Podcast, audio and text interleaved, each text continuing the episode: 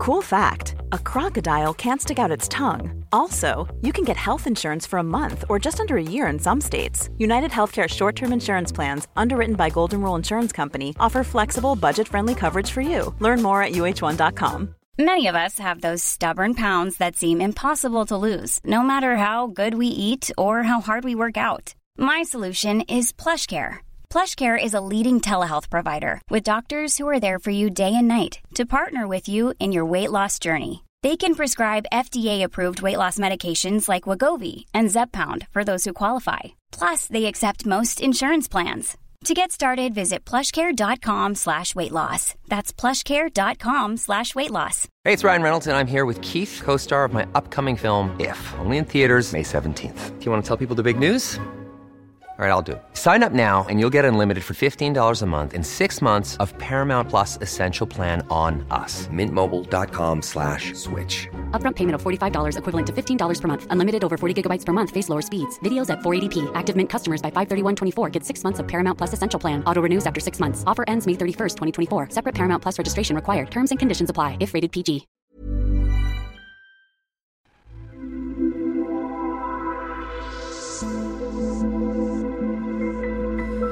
Ok, Dine favorittjenter er tilbake igjen bak mikken hvor vi hører hjemme.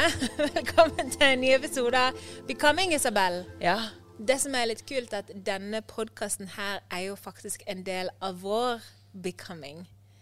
Dette her har jo faktisk krevd mye av oss å skape denne podkasten. For min del, som har vært gjemt meg bak planter så lenge, så har det vært eh, Jeg kjenner at det er mye mer psykisk krevende å åpne meg så mye opp om, um, om alt jeg har lært på det private plan da, i det siste. Så det, det, er mer krevende enn jeg hadde trodd, men jeg tror til syvende og sist at det kommer til å være mer givende. Det føles veldig riktig. Ja. Men som jeg snakket om før, det som er riktig, er ikke alltid like enkelt. Nei. Og akkurat som Glennon Ja. Doyle sier, vi må legge fra oss den idiotiske ideologien om at et vakkert liv skal være et enkelt liv. Ja. Med det sagt så er dagens episode om et av mine absolutte favorittema. Det er mitt favorittema. Er det sant? Ja. For jeg har faktisk alle episodene er mitt favorittema. Jo, jeg er enig, men, det, men dagens episode er det temaet jeg tror jeg brenner mest for. ja. For jeg tror det er liksom, litt sånn grunnmuren da, i Ja. mye av det vi snakker om. Veldig. For å ta du som lytter litt inn i grunnen til at vi en av at vi har denne episoden, så har jo Isabel fungert som langt mer enn bare en venninne for meg. Eh, alltid, egentlig. for de som bare hører på nå og ikke ser videoen, så blir hun veldig glad nå. um, hun har hatt en sånn rolle i mitt liv hvor hun har kommet inn og hjulpet meg gjennom vanskelige faser i livet, som da min far lå for døden, eh, og i etterkant da jeg ble tvangsflytta til Norge. Eh, hun har kommet inn og virkelig vært der for meg i vanskelige perioder. Em, og det som har vært interessant, er at hun har en faglig kunnskap som har gjort at hun har klart å sette ord på de tingene som jeg har gått gjennom. Så da jeg kom hjem til Norge, så havna jeg i denne mørke fasen min. sant? Eh, så klarte jeg jo da med de grepene jeg gjorde, å komme meg ut av det. Jeg begynte å skape det livet som jeg hadde lyst til å leve. Jeg begynte å få kontroll over tanke- og handlingsmønster. Jeg fikk struktur i hverdagen. Jeg fikk kjøpt meg hus, starta bedrift, fikk ansatte, fikk lønn. Altså lønnsslipp. Vet du hvor kult det var å begynne å få lønnsslipp? Jeg er ansatt i mitt eget AS. Em, med bonusbarna mine, alt var fint. Jeg fikk ikke bare én hund som jeg hadde drømt om, jeg fikk to hunder. Ekteskapet mitt, alt gikk bra.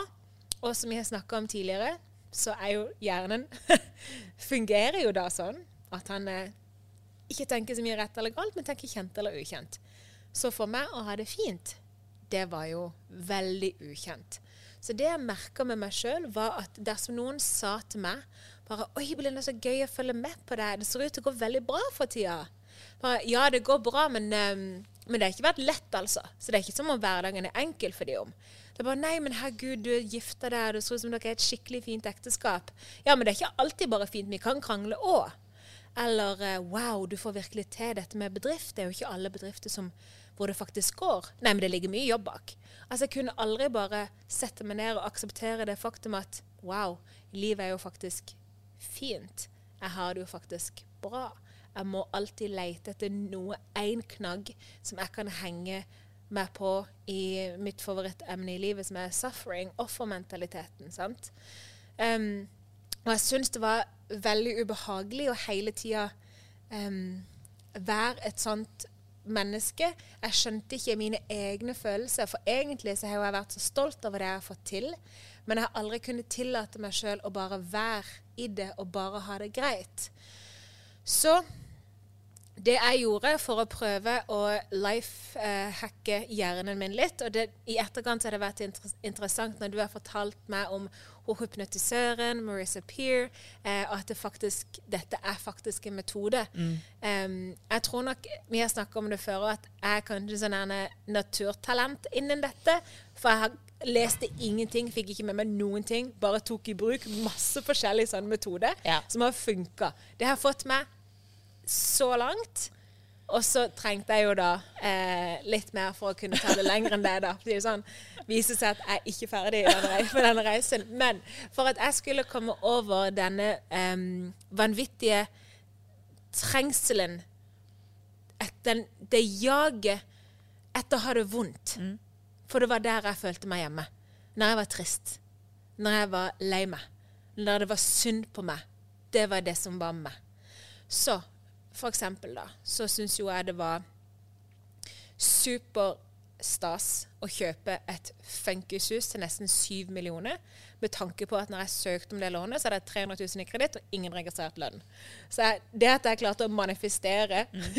det huset, for det kan vi kanskje snakke om senere, men det jeg gjorde, eh, det er verdt en sånn wow. Det er det største materiellet jeg har klart å manifestere. Mm. Så det var helt sånn wow.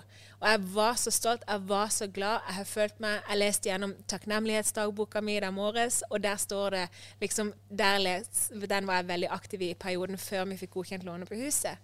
Eh, og jeg ser at wow, jeg har fått det til, og jeg er så takknemlig og jeg er så glad for det.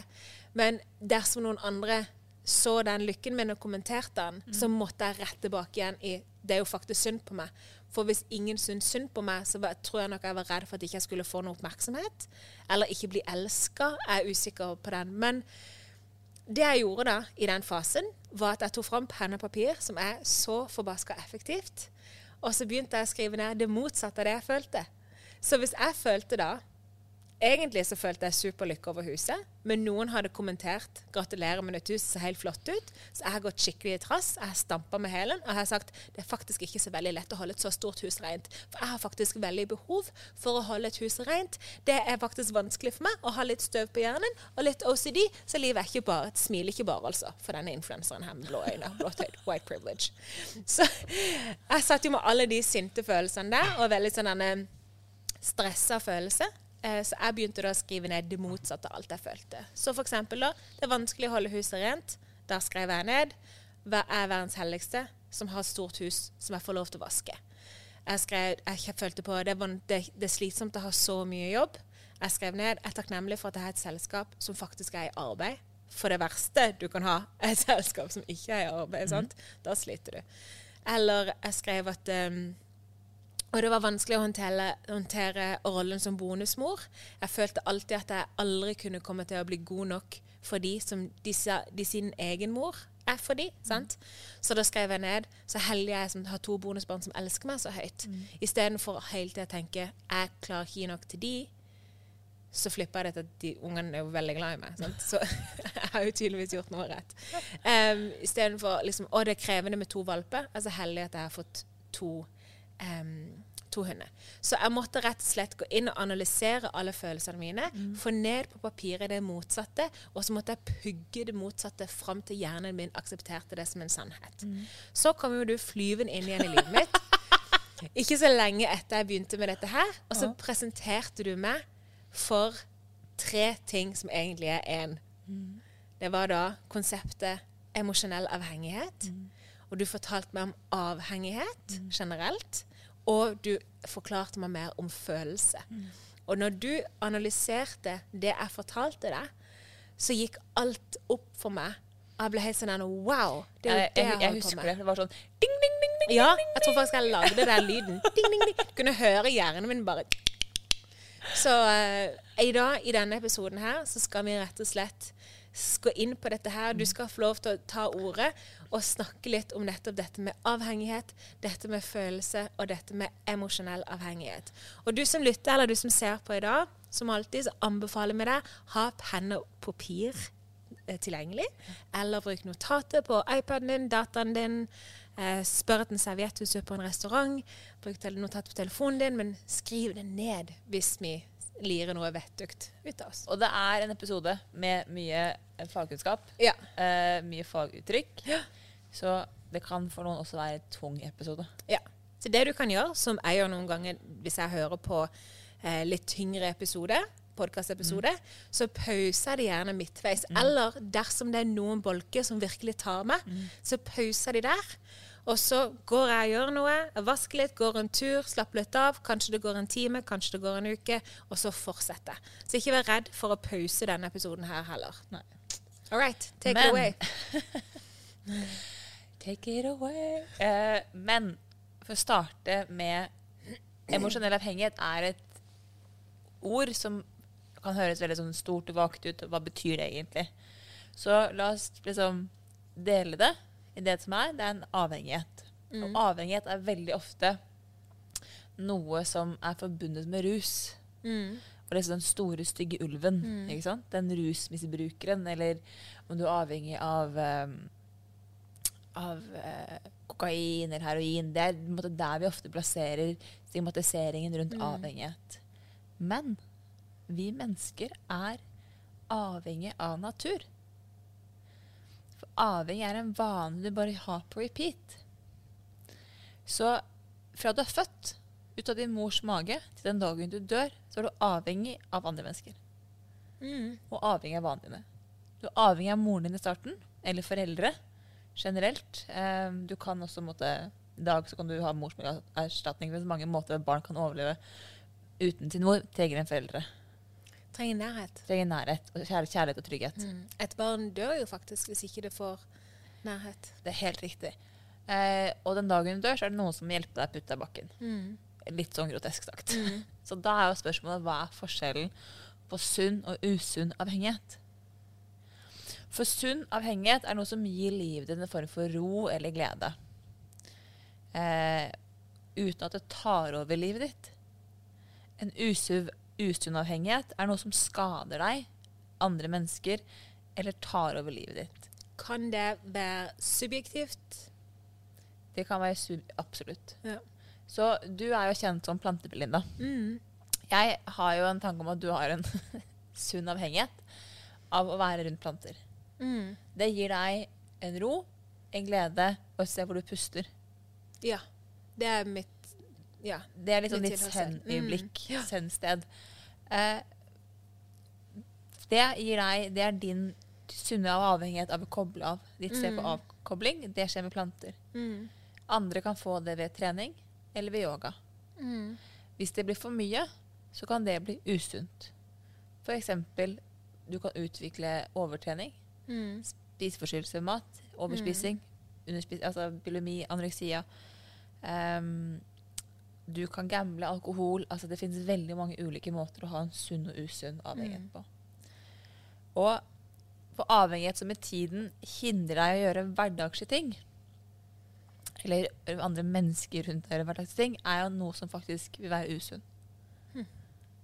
Så du er jo glad i å reise. Mm. Og plantene dine hindrer ikke deg av å reise. Nei. Du får noen til å ta over plantene dine. Ja, ja, plantebarnevakt. Ja, Ja, my 110. Ja. Men det stopper deg ikke for å ta turen. Nei. Nei. Nei, det gjør det ikke. Og, så det er sånn jeg definerer sunn og usunn avhengighet. Jeg er 110% avhengig av min morgenrutine. Du har en heftig morgenrutine. Jeg har en heftig morgenrutine. Det er ingen morgenrutine som skal forsøke å kopieres. Nei, de fleste som lytter nå, tenker morgenrutine. Skal vi se, Pusse tennene, vaske håret. Ja. Eh, Isabel sin morgenrutine varer tre timer, folkens. Ja. Jeg, jeg skal virkelig tune inn på meg selv om morgenen. Ja. Så den er jeg avhengig av. Og jeg har prioritering på hva som er viktigst for meg, og hva jeg på en måte kan kutte ut. Men den gjør jeg hver dag. Uansett. Fordi det er noe som gir meg form for ro og energi. Jeg har også vært avhengig av Pepsi Max. Til den grad jeg fikk vondt i hodet hvis ikke jeg drakk Pepsi Max. Det var en usunn avhengighet. Det å slutte med den, det gjorde vondt langt inn i sjelen. Vi har mange avhengigheter som er sunn og usunn. Men hvordan Det er ikke alle du trenger å endre på. Noen trengs, andre trengs ikke. Og det er, denne episoden handler ikke om hvilke avhengigheter du skal endre. Det handler om å bli bevisst hva du faktisk er avhengig av. Og hva egentlig avhengighet er for noe. Hva er du avhengig av? Jeg har jo vært nikotinavhengig siden jeg var 14, tror jeg. Jeg er nå på min Hva skal jeg si Jeg går nå inn i min tredje måned uten nikotin for første gang siden jeg var 14. Okay, det er Det sånn- er helt insane. Ja. Det viser seg uh, at jeg Nå skal jeg OK, ikke hat meg nå til alle som hører på dette her, inkludert du. Jeg tror at denne avhengigheten mot nikotin, jeg tror rett og slett at den bare er noe tull. Fordi jeg har grudd meg i hele mitt liv. Jeg har prøvd før i gåsetegn å slutte med nikotin, og det har gjort meg steingal. Fram til jeg sa til meg sjøl at vet du hva, nå har jeg fått nok, dette blir for dumt. Jeg skal slutte med nikotin. Jeg kommer ikke til å reagere på det. Og jeg har nesten ikke reagert på det. Så det var bare whatevs. Det var en vane som måtte kuttes, og det hendte jo jeg savna det, men that's it. Men nikotin, for sure. Um, kaffe, um, for sure. Jeg får vondt i hodet hvis jeg ikke drikker det. Eh, jeg har òg vært eh, avhengig av både Pepsi Max og andre energidrikker. Det var liksom min store Hver gang jeg ser noen type form for sukkerfri drink, så er jeg jeg var et, to en sånn snartur innom eh, alkoholisme, tror jeg, om jeg kan være så åpen og si det. Eller jeg hadde en lang periode over on and off i nesten tre år. Usunn bruk. Usunn bruk av em, alkohol. Og jeg tror at avhengighet så fort Hvis du er usikker på om dette er en sunn eller usunn avhengighet du sitter i, så tror jeg så fort du har en ting som du har behov for å skjule for de rundt deg, da er det kanskje en usunn avhengighet. Om det er eh, hvor mye du ser på porno, eller hvor mye du ser på TV-serier, eller hvor mye du slapper av, eller uansett er det noe du har behov for å skjule, så kan det være en usunn avhengighet. Jeg begynte å skjule mitt alkoholforbruk. Først så spøkte jeg det bort i lang, lang tid. Ha-ha-ha. Det er jo kjempekult å ikke huske dagen før. Alle ler jo når du forteller at du ikke husker noe dagen før. Det er ikke lenge siden jeg sa jeg var hyggelig med tacokveld, skulle ta ett glass vin, våkne morgenen etterpå, husker ikke engang at gjestene hadde gått. Ha-ha-ha. I meg så er det Det er liksom fuck. That happened again. Uh, men um, i tillegg til det, det er avhengighet som jeg har kommet over. En av de tingene jeg ennå ikke har kommet helt over, det er jo den utrolig overraskende avhengigheten jeg har hatt over å være i offermentaliteten. Det er så utrolig rart at jeg har kommet et sted i livet hvor alt er fint. Alt er bra. Så hva min hjerne da gjør, den er jo stakkars på ukjent farvann. Den har aldri før hatt det fint hele tida.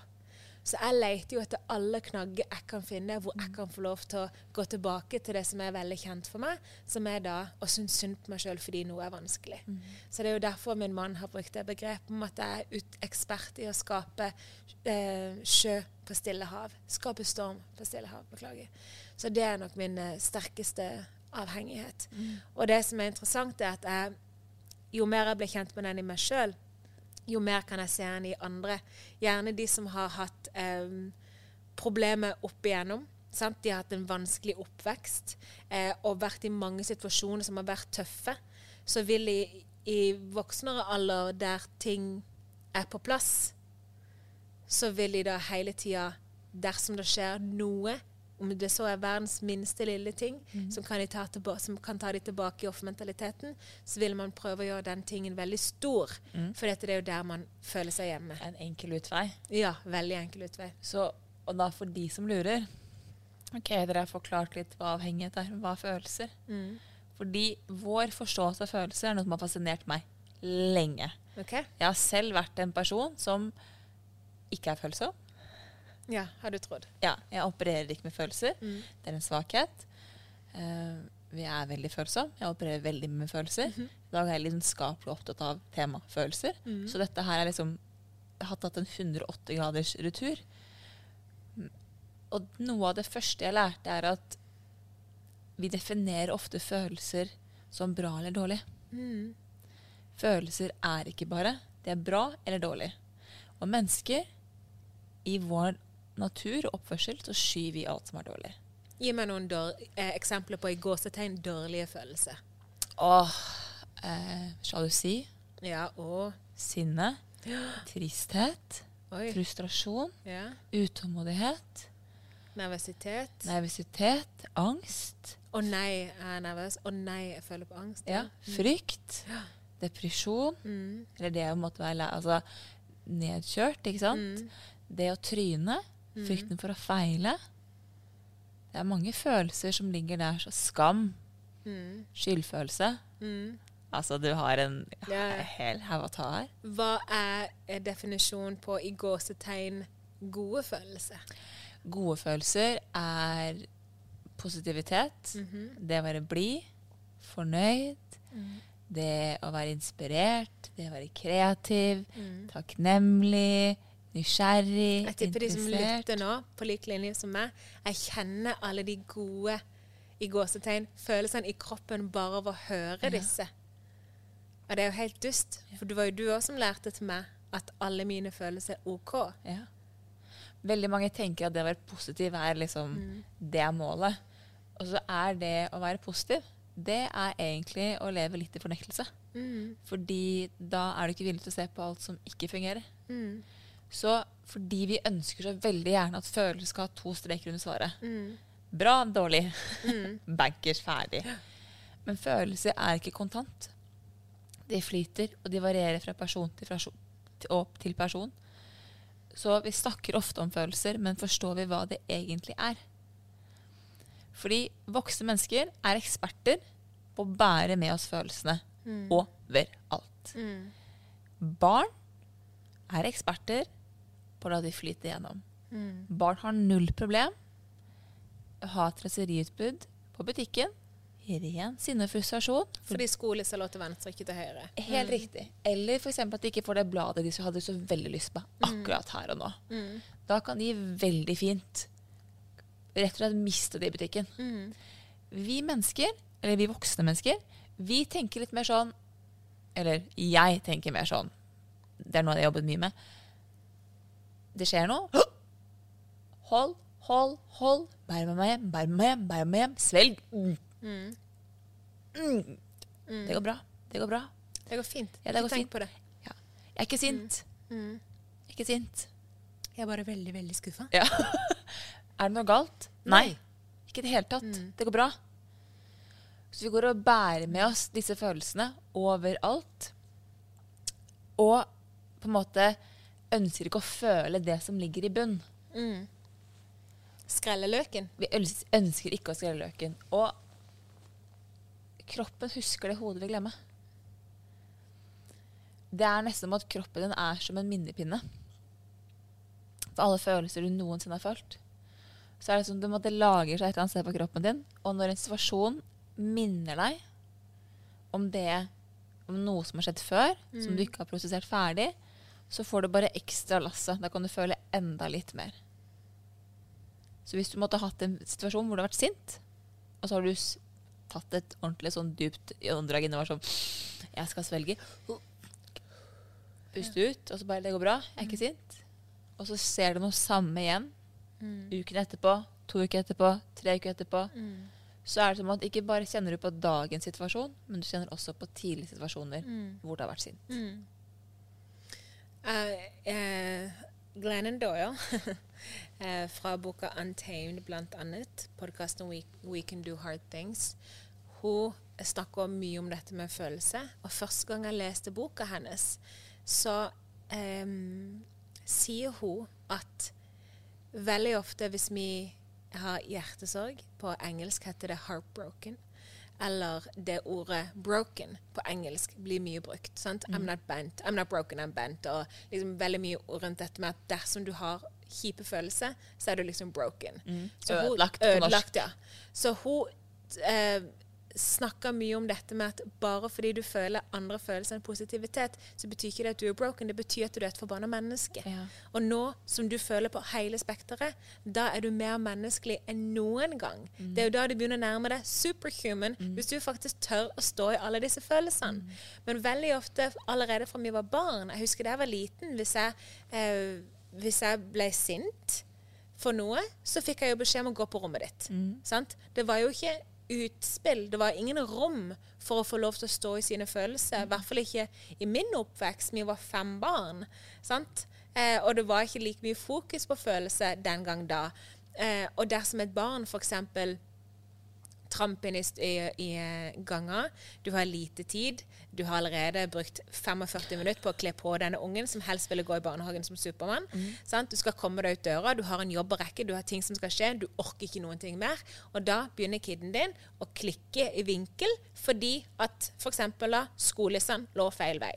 Så det vi gjør da, ofte som voksne, det er at vi setter foten ned sjøl og sier nå må du skjerpe deg. Dette her er ingenting å være sint for. Nå har vi dårlig tid. Vi skal videre. Det du sier til barna da, det er svelg de følelsene du sitter på. Det barna der mest sannsynligvis tramper fordi at det er den eneste måten de kan få ut følelsene sine på. De legger det på en skolisse, for det er den eneste knaggen de kan finne der og da, fordi et barn som ikke har lært å uttrykke seg. Så dersom vi som voksne da hadde satt oss ned tatt barnet i hendene og sagt vet du hva, jeg skjønner dette her må være forferdelig frustrerende for deg. Den skolen lå jo helt feil vei. Skal vi bare puste litt, og så skal vi synes at det er helt greit å være litt sint, og så skal vi prøve en gang til. Er det greit? Så som regel da så får de aksept for den følelsen, og så kommer du deg fortere ut døra. Fordi følelser er kroppens måte å kommunisere med deg på. På hvordan du har det akkurat her og nå. Enhver følelse, uansett hvilken, om det er sjalusi eller om det er glede, kommer med en beskjed til deg om noe. Spørsmålet er er du villig til å høre. Nja. jeg er supervillig til å lytte, Isabel. Jeg hører ingenting noen ganger. Jeg prøvde i dag morges så godt jeg kunne, fordi jeg våkna opp med følelsen av at hmm, i dag kjenner jeg at jeg har et kjempebehov for å gråte. Ja. Ingen grunn whatsoever. Nei. Så jeg går begynner med journaling. Ja.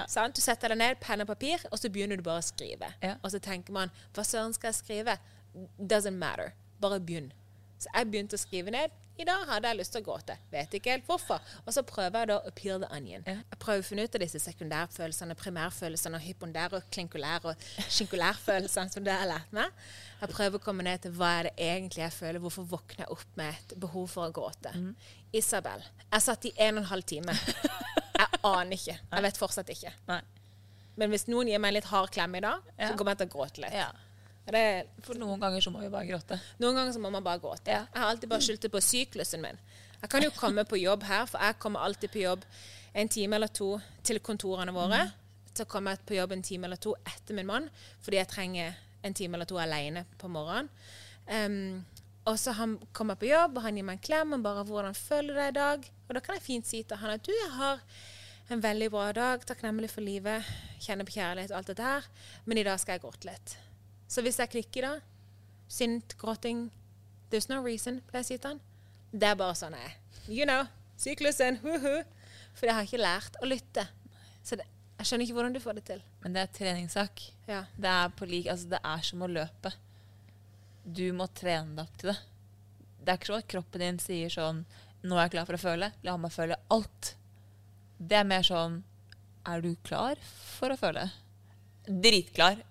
Gi meg det nå! Jeg er klar. I full spenning. Kung fu panda. Ja, kung fu panda. Så er det sånn Nei, Belinda, du er ikke klar. Den følelsen kommer når du er klar for at den skal komme. I hvert fall når du leter etter den, sånn som du har gjort i dag tidlig. Eh, for andre som den kommer litt sånn stormende fra høyre kant, for det kan også skje, Ja. så kommer den veldig ofte linket opp med en situasjon. Og det er jo det fordi følelser er beskjed. Så sannsynligvis i dag så kjenner du på noe etterdønning av noe stress. You don't say. Men vent litt, spol litt tilbake igjen. Følelse er en beskjed. Ja. For uh, vår venn Michael Beckwith, Ja. som jeg refererer mye til, Ja. han sier jo blant annet at uh, eh, emotions are energy In in motion. motion. Ja. Så det er energi i bevegelse. Det er jo derfor når du ler, så er jo det ha-ha-ha energi som legger seg på audiobølgene dine og kommer ut. sant? Ja. Det begynner i kroppen, det kommer ut. Tårer. Energy, ja, in motion. ja. Ja. Sinne, tramping, slåssing. sant? Energy in motion. Men du sier òg at følelse er en beskjed. Absolutt. Go deep. Hit it. Ja. Følelse er en beskjed. Hit. Fordi enhver følelse Get it, get it, get it. Altfor mye på TikTok. Ja. Fordi en følelse kommer alltid med en beskjed. Den forteller deg noe. Hvis du vil gråte, så er det ikke alltid at gråten symboliserer tristhet. Det kan være en ren utløsning. Men innimellom så er det kroppen sin måte å si 'Belinda, jeg er lei meg' på. Jeg er skuffet. Jeg er redd. Jeg vet ikke hvorfor. Sjalusi kan ha en annen beskjed enn det tristhet har. Sinne, som har vært min absolutte favorittfølelse, som jeg har operert Jeg har lagd alle følelser under paraplysinne. Eh, for det var en følelse jeg var kjent med å kunne operere i. Det, var kraftig, det er veldig kraftig sinne. Det er sånn power. Du kan Du er veldig power Jeg er veldig power. Du kan løpe på sinne, ikke sant? Ja. Bare heftig musikk. Du, du, du. Da, det var greit for meg. Tristhet, for eksempel, som var den følelsen jeg ofte prøvde å unngå. For meg var det sånn Men det, hva skal jeg gjøre med dette her? Jeg kan ikke, så skal jeg bare sitte her og være trist. Det orker jeg ikke. Men det var det jeg hadde behov for. Jeg hadde behov for å tillate meg selv å være trist. Det er helt greit å være trist. Det er helt greit å være sint. Kanskje jeg skal tillate meg sjøl å være sint. Ja. For jeg er jo gråter jo bare til alle mine følelser. Jeg har, eh, kjenner noen som foretrekker eh, angst fremfor sinne. Ja. Og da var jeg sånn Hæ? Liker ikke du sinne? Det er jo min favoritting. Altså sånn Sinne. Hvilken som helst dag, liksom. Nei, der er sinne ubehagelig. Du foretrekker gråt. Det er noe jeg alltid har kjent på som veldig veldig ubehagelig. Jeg gråt. Mitt motto i mange år da jeg traff deg Jeg gråter ikke. Ja, jeg, jeg husker det. sant? Jeg gråter ikke fordi. Jeg gråter ikke fordi. Det er ikke en følelse eller en kommunikasjonsmåte jeg har. Eh, nå gråter jeg, og jeg måtte venne meg til å lære meg til å gråte. Men jeg har behov for å gråte. Jeg kunne sitte der og kjenne at gråten vil ut, men jeg tillater ikke meg selv å gråte. Sånn har jeg det gjerne på sinne, da, for eksempel. Mhm. For jeg gråter jo eh, mye og ofte. Mm. Jeg gråter når jeg er glad, når jeg er rørt, når jeg er sliten, når jeg er sint, eh, når jeg er lei meg, naturligvis. Eh, vel, svært sjeldent hvis jeg er trist. Da gråter jeg ikke. Så hvis du noen gang lurer Hvis jeg blir helt stille og apatisk, da er jeg veldig lei meg. Da er jeg trist. Ikke bare lei meg, men trist. Da Nothing is happening. Alle andre følelser gråt. Å, denne mat smakte Smakte godt. Sant? Jeg blir veldig rørt veldig fort. Eh, men eh, sinne syns jeg er veldig skummelt, for jeg er redd for hva sinne kan gjøre. Jeg er redd for at sinne kan push people away. Yeah. Jeg er redd for at min mann ikke ville håndtert meg hvis jeg var skikkelig sint. Ja. Han, har jo, eh, med å- han har jo opplevd meg sint, viser seg at han kunne håndtere det. Ja. Men det har alltid vært en skummel sak for meg å tørre å trå inn og stå i det at nå er jeg sint. Ja. Fordi at sint har jo alltid for meg vært kategorisert som en negativ følelse. Og sinne bærer på seg skam, skyldfølelse og alt dette her. Ja. Jeg har, og, mens jeg er født og oppvokst, eller jeg ser på tristhet som en svakhet, eller gjorde. Jeg så på det å være trist som en svakhet, og gråt som en svakhet. Og det var faktisk ikke eh, Jeg har en veldig klok eh, eh, venninne av meg som sa til meg at For hun satt Vi hadde kaffe sammen, og så gråt hun. Og så bare sånn Å nei, min lille å, Nei, det går bra. Og så stoppet hun meg og sa han, Isabel, hvis du går inn nå og prøver å trøste meg, så avbryter du muligheten jeg har til å kjenne på en følelse jeg ikke har klart å kjenne på før nå. Tør å sitte med meg i det. tør å ha tålmodighet, tør å ha utholdenhet til å sitte i følelsen med meg. Ikke kom og ta den bort fra meg. Og da var jeg sånn Hæ? Sitte i følelsen med deg? Skal ikke jeg komme og fikse noe? Skal jeg, Skal jeg ikke skru den av? skal, skal jeg ikke fjerne den? Vil du virkelig sitte her og gråte? Nei. Skjerpings, kompis. La oss gå og bokse litt. For det fins ikke noe mer frustrerende hvis du er sint, at ingen har lyst til å gå inn i krangel med deg. Nei, det er sant. Ja. Hvis, hvis du blir forbanna på meg, og jeg er sånn Ja, greit, Belinda. Namaste. Ja. Ja. Det her gidder jeg ikke. Ring meg når du er klar. Mm. Prøv å være gift med min mann, du. Da er det Som sånn jeg aldri har sett sint. Ever. Da er det sånn Men jo, du har sett han sint, ikke på deg. Jeg har sett han sint, men ikke på meg. Ja. Jeg har sett han inn latterlig frustrert over meg. men eh, eh, jeg har sett han sint. Jeg har aldri sett han agere på det. Ja. Fordi han er eldre enn meg, og han har tatt kontroll. For det, også, ja, så det er liksom også en, en, en forskjell. Ja. Så for det som er da, når du sier agere, for det er en Mm. veldig fin overgang til noe som virkelig endret mye for meg. Og det er jo da en forfatter som heter Colin Toppin, Mm. Som lærte meg at Han har forresten skrevet en bok som heter 'Radical Forgiveness'. ja, Den eh, På norsk radikal tilgivelse. Rart Ja. Men- Radikal tilgivelse. Den boka begynte jeg å lese. Tenkte dette er det dummeste jeg noen gang har lest. Not happening. La den bort. Tok den opp igjen etter seks måneder. Endra livet mitt. Det er, altså det, er, det er et par bøker som har endret meg Ja. og min forståelse. Det er en av de. Ja. Han, Colin, sier at når det er en situasjon som skjer, og du kjenner på at sterke følelser, eller du får en reaksjon og lyst til å agere, så er det 5% fakta og 95% historien du forteller deg selv. Så for eksempel eh, sjalusi.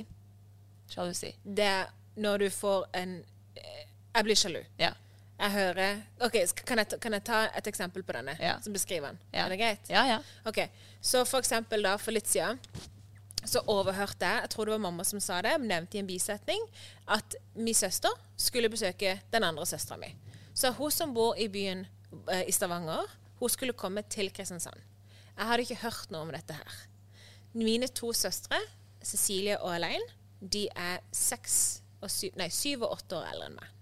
Jeg pleier å si- til dem at de er mye eldre enn meg. Jeg er veldig ung, sant? for de har passert 40. Det er litt gøy. Eh, fordi at de bare skiller et år, så har de alltid vært veldig tette. Og jeg vokste jo opp med å være den irriterende lillesøstera som ikke fikk lov til å komme inn på rommet. Bare når mamma hadde tvunget de til å ta meg med inn. Så jeg banka på, og de var sånn 'Gå vekk, vi har besøk.' Ba, 'Mamma sa at dere måtte.'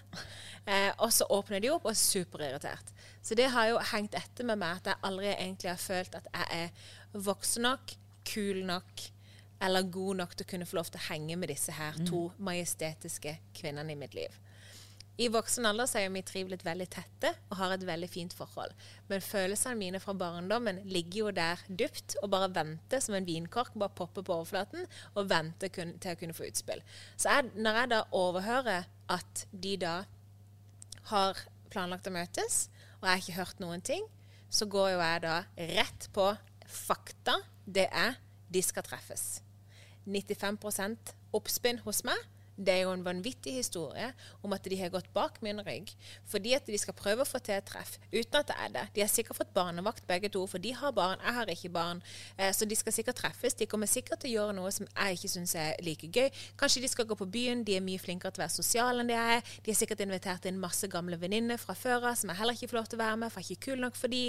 Og alt dette her vanvittige greiene fram til jeg er full i følelse og egentlig klar til å ta opp telefonen og ringe dem og fortelle dem at I know. I'm on to you guys. Jeg vet hva som foregår. Fy faen, for noen dårlige søstre dere er. Hvorfor kan ikke vi være en trio istedenfor at bare skal være dere to? Og så husker jeg jo på dette her da med wow, OK, vent litt. Hva er fakta her? De skal treffes. Jeg vet ikke om det. Før mamma fortalte det til meg nå. Så bestemte jeg meg for å gjøre noe som var like radikalt som navnet på den boka 'Radikal tilgivelse'. Jeg bestemte meg for å ringe og agere utelukkende på fakta. Så jeg ringte og sa hei, mamma fortalte meg at dere to skal treffes neste helg. Jeg har ikke hørt noe om dette her. Hva skjer? Og de sa da at ja, det stemmer. Og så sier hun du har fortsatt den helga ledig, sant? Og jeg bare hm? bare, Jeg spurte deg om kalenderen din. Du sa at den helga var ledig, så vi har gjort det vi kan for å snakke fram og tilbake for å få til den helga, sånn at vi tre kan være sammen. Ja. Og bare kjente med stillesinn at jeg bare er veldig glad jeg ikke agerte, ikke agerte på det 95% oppspinnet som jeg gjerne hadde gjort noen måneder før. Ja. Som jeg har gjort hundrevis av ganger Ja. i mitt liv. Og da, dette er en kjempe, kjempegod overgang til da emosjonell avhengighet.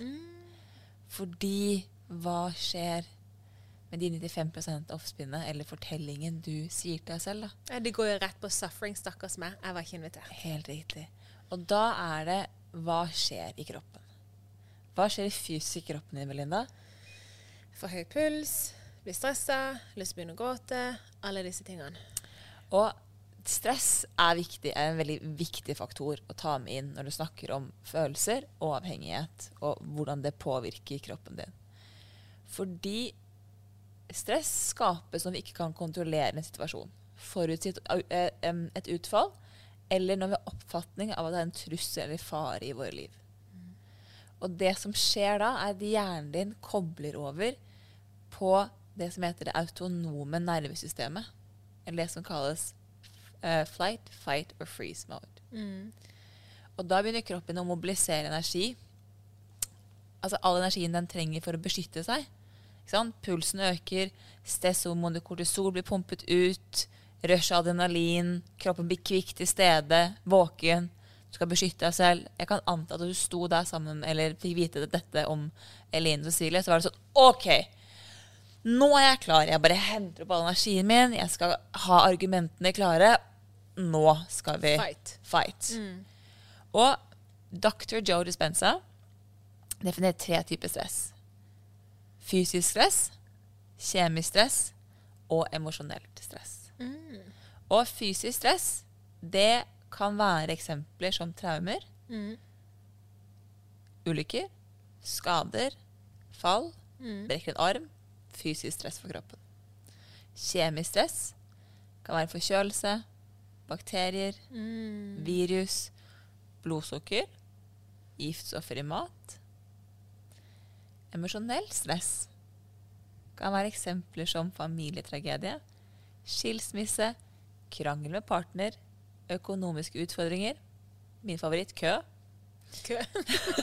kjærlighetssorg, problemer med jobb, krangel med venner eller noe annet. Og det som skjer da, nå kommer den delen som er litt sånn teknisk. Det er at det autonome nervesystemet, som kalles for det sympatiske nervesystemet, det er det som brukes i en overlevelsesfase. Og det parasympatiske nervesystemet er det som representerer avslapping, metabolisme og regenering. Og det betyr at du slapper av og får ladet opp igjen. Så hvis du kan se for deg at det autonome nervesystemet er gassen, så er det parasympatiske nervesystemet bremsen. Okay. Når du tråkker på gassen, da begynner kroppen å mobilisere energi for å mestre ytre verden. Når du velger å bremse, så får kroppen hente seg inn igjen, slik at du kan skape nye celler, vekst og balanse i indre verden. Det autonome nervesystemet er ekstremt tilpasningsdyktig i korte perioder. Det blir derimot dysfunksjonelt, og jeg understreker dysfunksjonelt, når du forlenger stress over tid. Da har ikke kroppen mulighet eller tid til å jobbe innover for å vokse og reparere. Når en person lever i konstant tilstand av stress, så vil hjernen bli vant til å få adrenalin via stresshormonet kortisol, og dermed bli avhengig av dette for at han eller hun skal kjenne at de lever. Stress har jo jeg alltid sett på som en sånn fin eh, Ja, adrenalin. Litt Ja. sånn den som kicker deg litt Ja. av gårde. Det er sånn Så- drar deg. Ja, nettopp. Ja. Og stress for meg var en følelse. så gikk det opp for meg, eller jeg lærte, at stress ikke faktisk er en um, Det er ikke basert på en situasjon, det er basert på dine tanker rundt den situasjonen. Og de tankene skaper jo de, disse følelsene.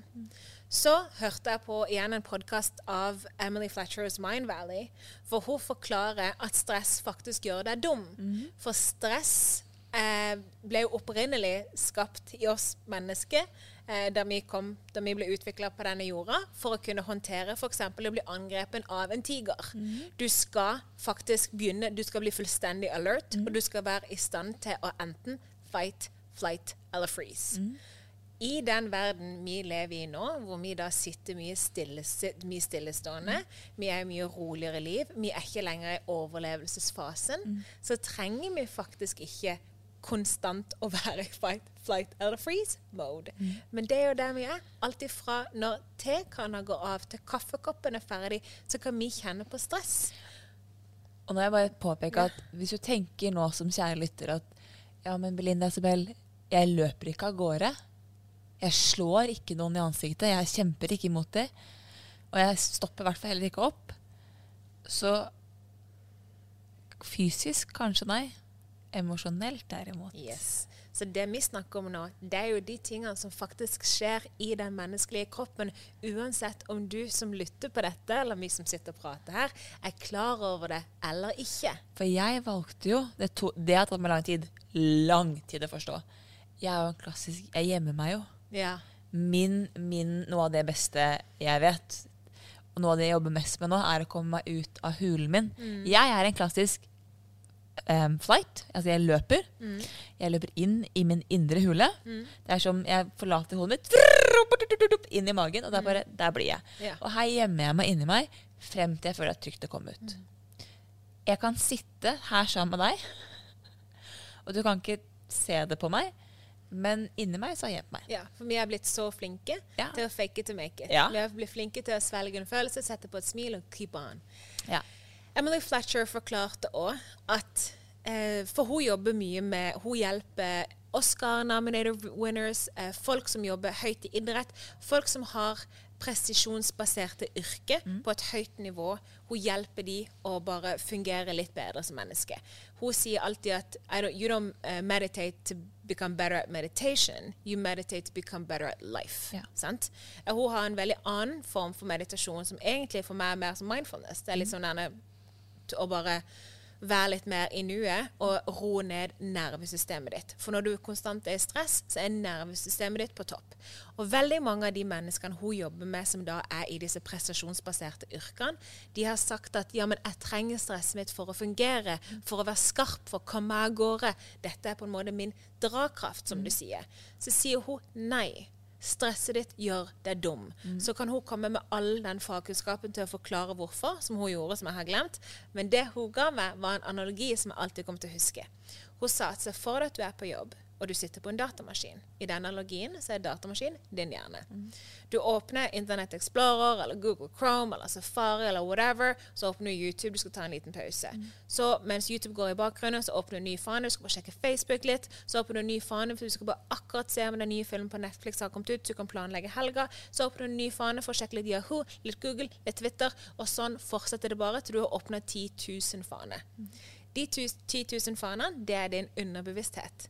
Det er alle de tingene, alle følelsene du har svelgt, alle ting du ikke har jobba gjennom, alle traumene du har gått gjennom, de ligger der i din underbevissthet. Og dersom alle de kjører på hele tida, og disse her blir stressa, det som funker da, Se for deg at du sitter der, du er 10 000 faner oppe. Sjefen din kommer inn på kontoret. Pausen din som egentlig skulle være på ti minutter, har gått på nesten en time. Og du tenker 'fuck, jeg må vise han at jeg jobber'. Så du åpner mailen din, og så åpner du en ny, en ny sånn eh, e-post, og så begynner du å skrive. Men han legger hele tida. Han henger ikke etter. Og du står og klikker på det forbanna keyboardet. Du er sånn At ikke dette kan funke. Dum, dum, dum datamaskin. Og nei, datamaskinen er ikke dum. Han har 10 000 faen oppe som gjør at han ikke fungerer.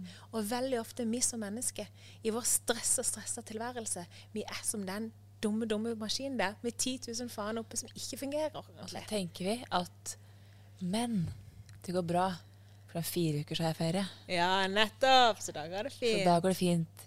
Da bare Da. Da slapper jeg av. Ja. Men fordi du har blitt så vant til den altså stresshormonet kortisol, da. Vant til at, den, at hjertet pumper og fører adrenalin gjennom kroppen. Så kommer du til ferie, og så har du fortsatt samme følelsen. Du klarer jo ikke å lande. Da er det noe annet Ja. som eh, stresser deg. Fordi det handler ikke så veldig mye om hva som stresser deg, Nei. men det faktum at du foretrekker stress. Du er avhengig av det Du er avhengig av det, av det slett. Og det er noe av det som er så fascinerende. For uansett hvordan, hvor du er, så vil den følelsen som du er avhengig av, alltid komme opp igjen. Det er derfor du kan høre en sang som du hørte mye på for fem år siden. Og den drar rett tilbake til der du var. Mm. Eller lukte en lukt. Lukt, lukt, lyd, steder, eh, klesplagg kan være minner, eller bringe minner opp i kroppen. Og følelser er egentlig bare Nei, det er feil. Minner er følelser som er laget i kroppen.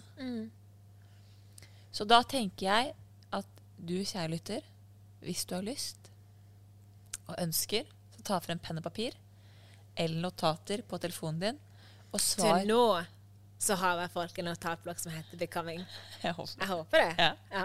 Så ta fram notatblokka di som heter 'Becoming'. Og hvilken situasjon eller situasjoner i livet ditt stresser deg?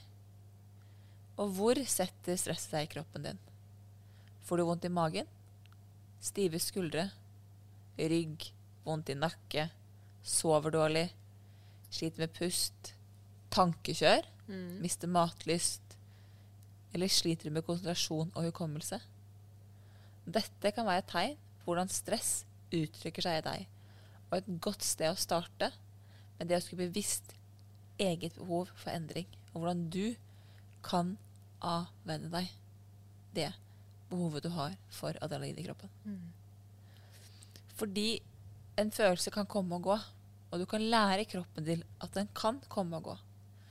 Men blir ikke en følelse akseptert, så vil den være og bli liggende i kroppen. Så aksepter at det er avhengig av stress, da. Og så kan Så- man begynne å jobbe med det. Ja. En av våre favorittøvelser på dette området her, det er jo å puste.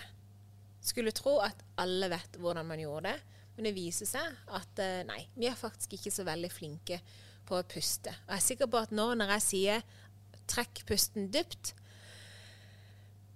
så er det alle som lytter på, gjør det. Hver gang jeg ser bare, bare noen skrive 'pust', så kjenner jeg Så vi har jo eh, 4-4, box breathing, som vi foretrekker. Det er mange forskjellige fine pusteteknikker, men 4-4 er veldig fint. Vi skal kjøre en helt enkel en. Den vil ligge en egen en på YouTube. En egen video, rett og slett. Bare en fire minutter. vise, ja. Ja, som vi skal vise til. Så hvis du ønsker å følge Belinda meg som puster, Så kan du, så kan puste litt sammen der. puste sammen der. Og hvis du vil gjøre det nå, kjapt, og du tar den kjapt, så kan du bare puste inn på fire, puste ut på fire. Det vil rett og slett være som du gjør sånn. Du puster inn. To, tre, fire. Pust ut. To, tre, fire. Pust inn. Tre, fire. Pust ut. To, tre. Ja. Så puster du bare så godt du kan. Så dypt inn du kan, så langt ut du kan. For noen er det nok å starte med to minutter. Mm. For andre kan de starte med fem. Gjør det som er komfortabelt for deg, Mm. og fokuser på pusten. Clouet med bakspeeding er at fokuset ditt i de to minuttene er på pusten din. Mm. Du kan se for deg en boks med fire kanter. Ja. Du kan bare se for deg tallene én til fire. Bare fokuser på det som faktisk skjer. Kjenn på pusten som går ned i lungen. Kjenn på magen som åpner seg. Kjenn på hvordan det kommer ut gjennom nesa. Meg og Isabel uh, puster veldig ofte inn gjennom munnen og ut gjennom nesa. Motsatt. Inn gjennom nesen, ut gjennom gjennom nesa, ut gjennom munnen. Eh, men det kan du gjøre akkurat som du vil. Ja. Så lenge du bare gjør det dypt. Ikke vær redd for å få utstående mage. Nei, for kjære alle gutter og jenter, menn Mm. og kvinner og alle andre der ute. Det er lov å puste ordentlig med magen. Vi trenger faktisk ikke holde magen inne. Nei. Believe it or not. Nei. eh, etter jeg begynte å slippe magen litt fri. Altså, Du aner ikke mange spørsmål jeg har fått om jeg er gravid. Jeg bare, nei, ikke gravid, jeg er bare veldig glad i å puste. Og glad i pizza. Ja. Men uh, den pusteteknikken er utrolig fin for å eliminere stress. Men det aller første du må finne ut av, er jo da hva er egentlig ditt stress? Ja. Hva tror du din emosjonelle avhengighet er? Og hvordan har du lyst til å jobbe deg ut av den? Ja. Så vi håper at denne episoden har gitt deg litt eh, innsikt som kan være verdifullt. Da jeg ble introdusert for emosjonell stress, så fikk jeg jo sjokk, og det tok meg noen gode, solide par måneder å virkelig komme inn i den der, og det er noe jeg fortsatt jobber med. Stresset mitt er noe jeg fortsatt jobber med. Jeg har blitt kvitt så mye stress. Men jeg har fortsatt et indre stress som jeg jobber mye med. Hos meg så sitter stresset mitt i skuldrene, og jeg kan kjenne til meg når jeg ligger på sofaen og slapper av, så ligger jeg med høye skuldre. I en sånn meditasjon, dersom jeg gjør en sånn guidet meditasjon, hvor de tar deg gjennom, du begynner med å slappe av i hælene, slappe av i alt, så kommer de liksom til overkroppen og til kjeven, og jeg bare sånn, jeg er så slappa av. Så sier de, slapp av i skuldrene, jeg bare, wow, ok, de var fortsatt stive, ja. Så det er selvfølgelig en treningssak, og det kommer sikkert til å ta meg lang tid. Men de pusteteknikkene, det jeg gjør det før et møte, når jeg parkerer bilen, om jeg så skal inn på Kiwi eller whatever, så kan de pusteteknikkene der være utrolig fine. Og en liten, sånn, liten morsom ting helt på tampen. Vi har jo disse sosiale kontraktene med samfunnet. sant? Vi har eh, å pusse tennene før du går ut, og og dusje. Eh, vi har å kle oss i det hele tatt. Ja. sant? Eh, vi har forskjellige sosiale kontrakter vi gjør. Når du kommer på jobb, så kommer du ikke med eh, oppvasken inn. Du kommer ikke å lukte vondt, du kommer ikke å se det. Ja, spesielt dette med lukta. sant? Det er en sosial kontrakt. Du skal passe på å ikke lukte vondt for samfunnet. Men en sosial kontrakt vi burde ha, det er faktisk å vaske oss mentalt før vi forlater huset. Vi er veldig flinke til å vaske oss fysisk, men vi er ikke flinke til å vaske oss mentalt. Nei. Så det du kan tenke på som en gave til samfunnet, til gave til de rundt deg, Med aller først deg selv. med aller først deg sjøl, ja. Det er jo det samme som en god dusj. Ja. Det er veldig deilig. Du Ja. gjør det for deg sjøl. Ja. Du gjør det ikke bare fordi noen krever. Jeg, jeg gjør det kun for meg. Ja. Sorry. Der er jeg ikke. Jeg, jeg, jeg er så egoistisk. Jeg gjør det veldig mye for andre fordi jeg, en, er er veldig opptatt av hva jeg kan hva jeg tilfører. Ja. Ja. Så dersom jeg kommer på jobb med et vanvittig stress, og der sitter de, alle har det fint, jeg har forsovet meg, jeg er forsinka, jeg kommer brautende sin og bare Oh my God! Fy, hvis hva jeg drømte natt, jeg forsov meg så sykt fordi at i går Så jeg bare pøser på den energien de sin. Da kan jeg få veldig dårlig samvittighet i etterkant. Så etter jeg lærte om den, men den sosiale kontrakten eller ders, at meditasjon og det å puste seg ned rolig og kvitte seg med overflødig stress før du forlater huset, så ble jeg helt sånn når jeg forlater huset mitt nå, så er jeg helt sånn Hello. Jeg bare flyter. Hva kan jeg by deg på? Hvordan kan jeg hjelpe deg? Ja. Så jeg har nok, tatt, eh, jeg hadde nok dratt den litt langt. Det Men det burde være en sosial kontrakt å ta en mental dusj i tillegg til en fysisk dusj. helt enig. Ok. I neste episode Da skal vi snakke om ærlighet og om skam. Dun, dun, dun. Demlig gøy. Det blir veldig gøy. Husk at hele denne prosessen med becoming, og hele denne prosessen av who are you becoming, det handler om deg, og det handler om deg alene.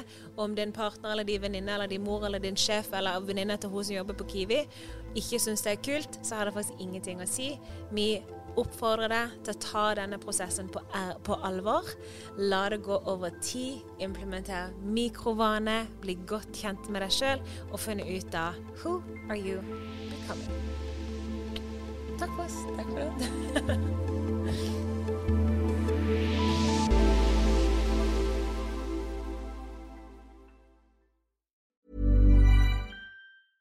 Ever catch yourself eating the same flavorless dinner three days in a row?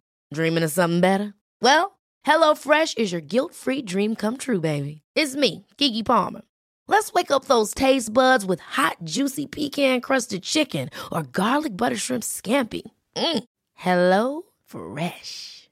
Stop dreaming of all the delicious possibilities and dig in at HelloFresh.com. Let's get this dinner party started. Planning for your next trip? Elevate your travel style with Quince. Quince has all the jet setting essentials you'll want for your next getaway, like European linen, premium luggage options, buttery soft Italian leather bags, and so much more. And is all priced at 50 to 80% less than similar brands. Plus, Quince only works with factories that use safe and ethical manufacturing practices. Pack your bags with high-quality essentials you'll be wearing for vacations to come with Quince. Go to quince.com slash pack for free shipping and 365-day returns. Mom deserves the best, and there's no better place to shop for Mother's Day than Whole Foods Market. They're your destination for unbeatable savings, from premium gifts to show-stopping flowers and irresistible desserts. Start by saving 33% with Prime on all body care and candles. Then get a 15-stem bunch of tulips for just $9.99 each with Prime. Round out Mom's menu with festive rosé, irresistible berry chantilly cake, and more special treats. Come celebrate Mother's Day at Whole Foods Market. Imagine the softest sheets you've ever felt. Now imagine them getting even softer over time. That's what you'll feel with Bowl and Branch's organic cotton sheets. In a recent customer survey, 96% replied that Bowl and Branch sheets get softer with every wash. Start getting your best night's sleep in these sheets that get softer and softer for years to come. Try their sheets with a 30-night guarantee. Plus, get 15% off your first order at bowlandbranch.com. Code BUTTERY. Exclusions apply. See site for details.